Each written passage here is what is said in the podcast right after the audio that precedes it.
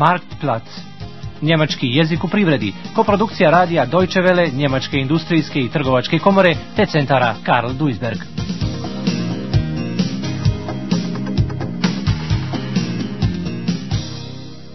18. lekcija. Sajam. U ogromnim izložbenim halama Međunarodnog sajma u Kölnu teško da se ko može snaći. Peter je poduzetnik iz Varšave, po prvi put je ovdje, najprije kao posjetilac da vidi kako to sve izgleda. Već sada pomišlja na sobstveni štand, da kako još je prerano. Hallo, Michael, das gibt's dir. Dich hier zu treffen auf der Messe in Köln. Wie geht's dir? Wie ist es bei euch in Moskau jetzt? Ja, du hier, das ist eine Überraschung, wirklich. Oh, mir geht's gut. Aber in Moskau, du weißt, da ist sehr viel durcheinander im Moment. Oh, kann ich mir vorstellen. In Warschau ist es auch nicht so toll. Aber es wird immer besser. Ach, weißt du noch in Masuren damals, wo wir uns kennengelernt haben? Schöner Urlaub. Ich denke oft daran. Ich auch. Aber sag, wie lange bist du denn schon hier in Köln auf Messe? Oh, gerade angekommen, vor zwei Stunden. Wie groß das hier ist. So viele Menschen. Ja, das ist wahr. Peter je imao sreću, dva sata probijanja kroz štandove i već je susreo jednog poznanika iz Moskve kojeg je upoznao jednom prilikom na odmoru. Mihael ima sopstveni štand, tako da svom starom prijatelju može dati par, ein par, savjeta. Naravno ne ovdje, nego večeras u restoranu i bez, što bi rekli srkleta, hektik. Ich bin schon seit gestern hier. Ich habe nämlich meinen eigenen Stand. Nein. Hier, komm mit, er ist hier in dieser Halle. Ich war nur gerade etwas essen und bin wieder auf dem Weg zurück. Du stellst hier aus. Das würde ich auch gern, aber ich habe keine Ahnung, was das kostet. Wie ich das machen soll. Deshalb bin ich erst mal als Besucher hierher gekommen, um mich umzusehen. Habe ich auch gemacht, vor drei Jahren. Und jetzt stelle ich hier aus, schon zum zweiten Mal. Pass auf, vielleicht kann ich dir ja geben ein paar Tipps. Aber hier ist jetzt so viel Hektik. Sollen wir uns heute Abend treffen? Ich kenne ein gutes Restaurant, ist auch nicht teuer. Ja, prima. Und es gibt auch sonst so viel zu erzählen. Aber jetzt bin ich erst mal gespannt auf deinen Start. Warte, hier, die Ecke rum. Dann kann ich dir zeigen, was ich alles ausstelle. Ist wunderbar. Hier, komm.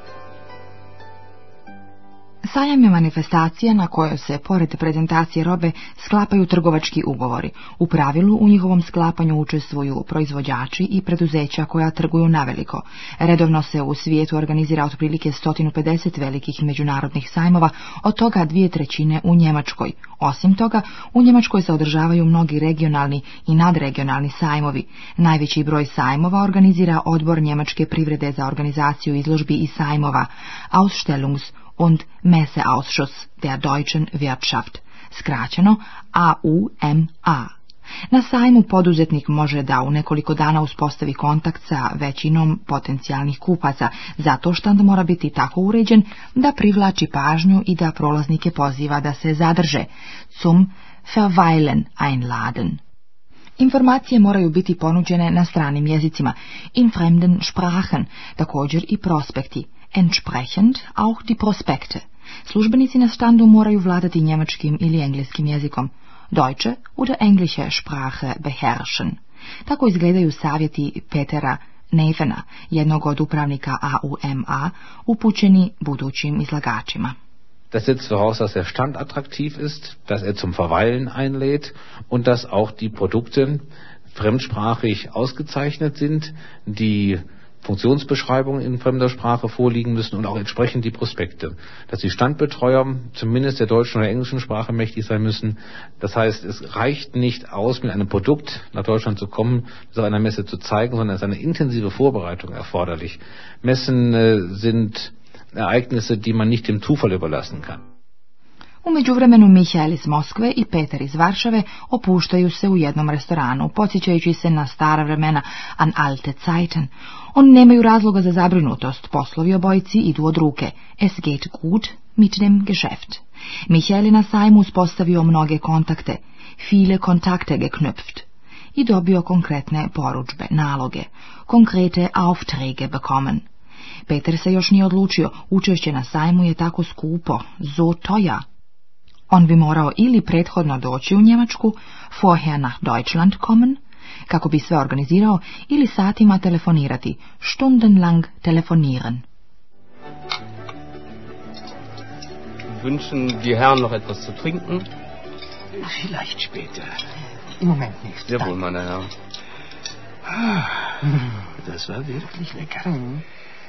Aber mein Bauch ist so voll. Kein Wunder. Schweinshaxe ist ja nicht gerade eine leichte Kost. Tja, ja, ja, ja. Jetzt haben wir so viel von alten Zeiten erzählt. Und ich freue mich, dass es dir so gut geht mit deinem Geschäft. Danke. Und gerade auch die Messe hier läuft sehr gut. Ich habe schon viele Kontakte geknüpft und auch konkret Aufträge bekommen. Dabei hat mir auch sehr geholfen, dass ich auch schon vorher Kunden eingeladen habe, meinen Stand auf der Messe zu besuchen. Ja, ja, schön und gut. Aber das ist doch alles viel Arbeit und so teuer. Entweder vorher nach Deutschland zu kommen und alles zu planen. Oder Ja. vielleicht geht es ja auch am Telefon. Aber dann muss ich stundenlang mit. Deutschland telefonieren, Nein. um einen Platz zu mieten. Nein, überhaupt nicht.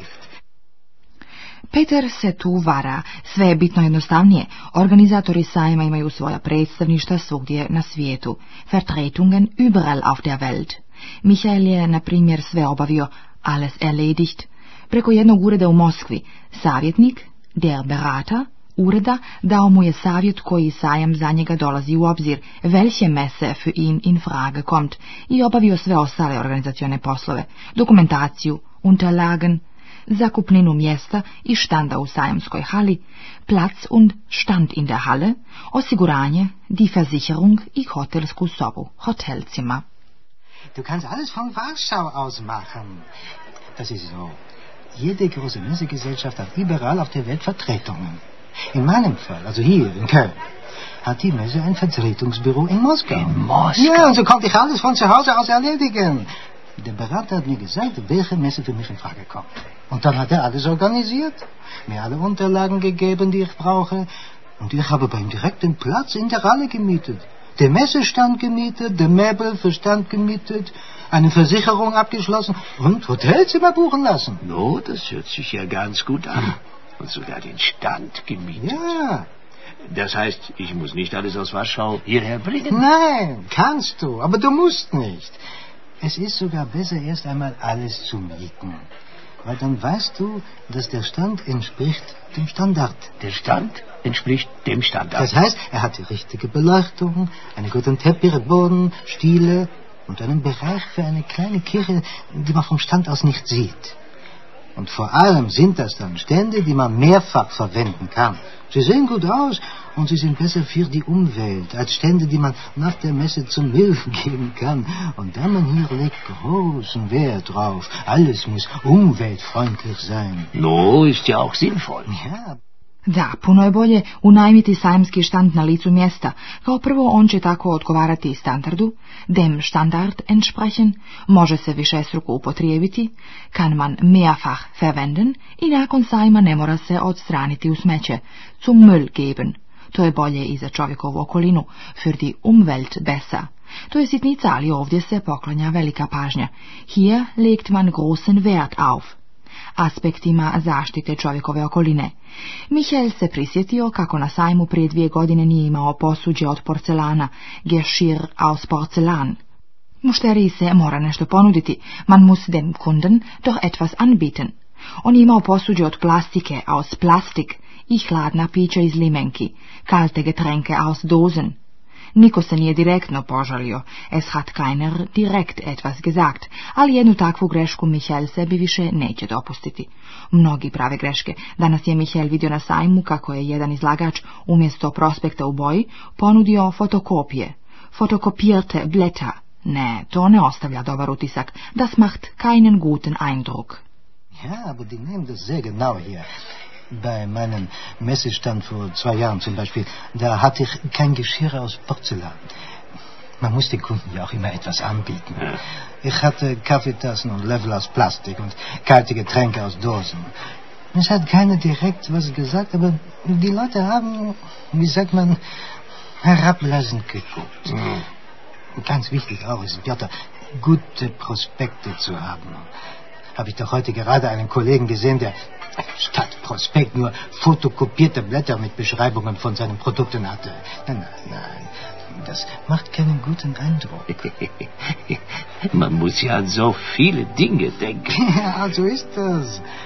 Ich glaube, wir jetzt sollten doch noch etwas trinken. Herr Robert? Strani poduzetnici mogu dobiti informacije o sajmovima u Njemačkoj iz raznoraznih izvora. U Moskvi, na primjer, postoji predstavništvo Kelnskog sajma. Saradnik Andrej Katorjevski siguran je da u Rusiji ne postoji kultura organizovanja sajmova. Es gibt keine Messekultur. Ljudima se moraju objasniti neke normalne stvari.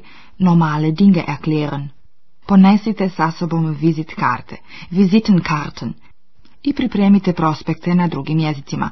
Mnogi ne znaju da se u sobstvenom interesu mora ispuniti jedan žurnal, ein Journal ausfüllen. Koliko posjetilaca, wie viele Besucher je posjetilo štand i koji posjetioci, was für Besucher, su se zainteresirali za štand. Es gibt eigentlich heute in Russland keine Messekultur. Das ist äh, etwas problematisch. Man muss immer für jede Aussteller erklären, dass äh, Firma muss mitnehmen mehrere Visitenkarten, Prospekten in Englisch oder Deutsch. Denn man muss ein Journal ausfüllen, wie viele Besucher, was für die Besucher an den Stand waren und so diese diese normale Dinge, die für äh, jede andere äh, westliche Firma ganz klar ist, muss man für die russische Unternehmen erklären. Važno pitanje za učesnike sajma su cijene. Na velikim sajmovima zakupnina za kvadratni metar u jednoj hali košta ne manje od 200 maraka.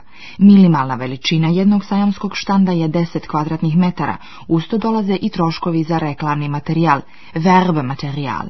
Andrej Koturjevski smatra da se može uštedjeti na hotelima, u predgrađima, in den Vororten, oni su jeftiniji.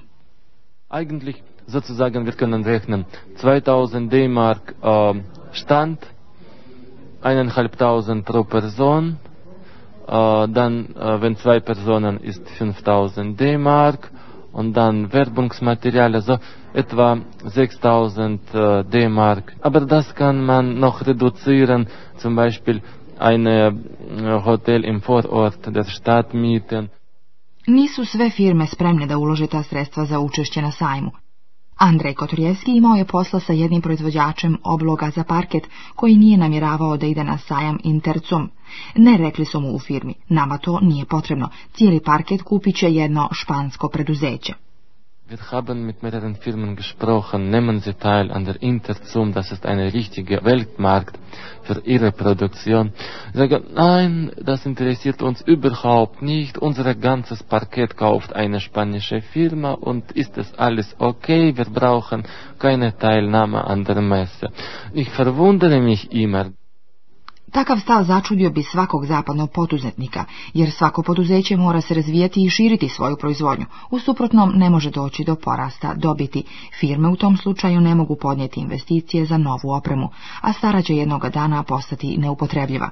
Ukoliko jedna firma proizvodi robu dobro kvaliteta, za nju je učešće na sajmu izvanredna mogućnost da dobije nove mušterije.